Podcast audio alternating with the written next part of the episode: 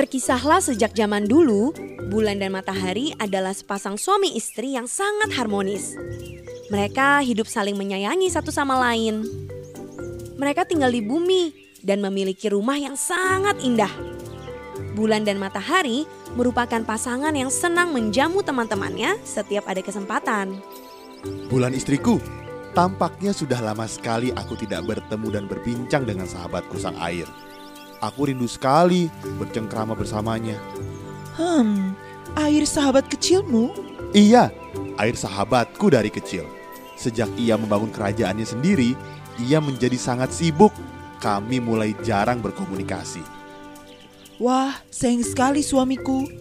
Bukankah persahabatan kalian adalah yang terlama di antara teman-temanmu yang lain? Jangan sampai persahabatan kalian terputus karena jarang komunikasi. Itulah istriku. Aku bingung bagaimana untuk memulai kembali komunikasiku dengan sahabatku itu. Suamiku, bagaimana kalau kita undang air untuk datang dalam jamuan pesta di rumah kita? Dengan begitu, kalian bisa saling bertemu dan mengobrol melepas rindu. Wah, istriku ini memang yang terbaik. Idemu sangat cemerlang. Tapi bagaimana caranya aku mengundang air kalau kami saja jarang bertemu? Ah, itu gampang. Kau tulislah sebuah surat untuk sahabatmu. Dalam surat itu, sampaikan juga bahwa kau mengundangnya untuk pesta di rumah kita. Nanti aku akan menyuruh salah satu pelayan kita untuk mengantarkan surat itu. Baiklah, aku akan segera menulis surat untuk sahabatku itu. Matahari yang kegirangan segera menulis surat untuk sahabatnya. Ia meminta air untuk datang dan berpesta bersama. Bulan pun menyuruh salah satu pelayan untuk mengantarkan surat itu. Bulan berpesan agar pelayan itu kembali setelah mendapat surat balasan dari air. Permisi, Tuanku Matahari hendak menyampaikan surat kepada sahabatnya Tuan Air. Matahari, tumben dia mengirimkan surat padaku. Apa yang terjadi padanya? Tuanku Matahari dalam kondisi baik-baik saja Tuan. Sebaiknya Tuan membaca sendiri suratnya agar Tuan bisa tahu apa yang diinginkan Tuanku Matahari. Hmm, baiklah. Bawa kemari suratnya. Alangkah senangnya air membaca surat dari sahabatnya itu. Sebenarnya, air pun sangat merindukan sahabatnya.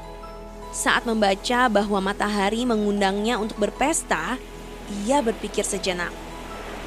Ada hal yang mengganjal hatinya. Namun ia tetap membalas surat itu dan memberikan pada pelayan matahari. Tuanku Matahari, aku sudah mendapatkan balasan dari Tuan Air. Hahaha, cepat berikan surat balasannya. Bagaimana suamiku? Apa yang dikatakan air? Ah, dia bersedia datang. Tapi dia bertanya, apakah boleh membawa seluruh rakyatnya untuk berpesta bersama-sama? Semua rakyatnya? Wah, pestanya akan semakin seru karena dihadiri banyak orang. Persilahkan dia datang bersama rakyatnya, suamiku. Aku akan menyiapkan jamuan besar-besaran. Matahari pun menyanggupi permintaan sahabatnya itu dan memperbolehkan dia datang bersama rakyatnya. Hari yang ditentukan pun tiba. Matahari bersiap menyambut sahabatnya itu. Air sahabatku, akhirnya kita bisa bertemu. Bagaimana kabarmu? Ah, matahari, kau sama sekali tidak berubah. Tetap ramah seperti dulu. Aku baik-baik saja, walaupun sedikit lelah. Membangun kerajaan sendiri ternyata memakan banyak tenaga. Hahaha, harusnya kau sudah bisa menduganya sahabatku. Ambisimu untuk membangun kerajaan sendiri pasti membutuhkan banyak hal untuk dikorbankan.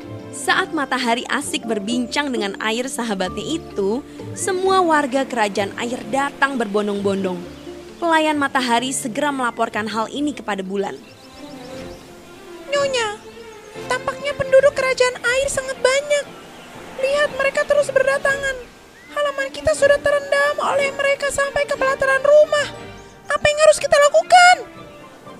Tidak apa-apa, biarkan saja mereka masuk.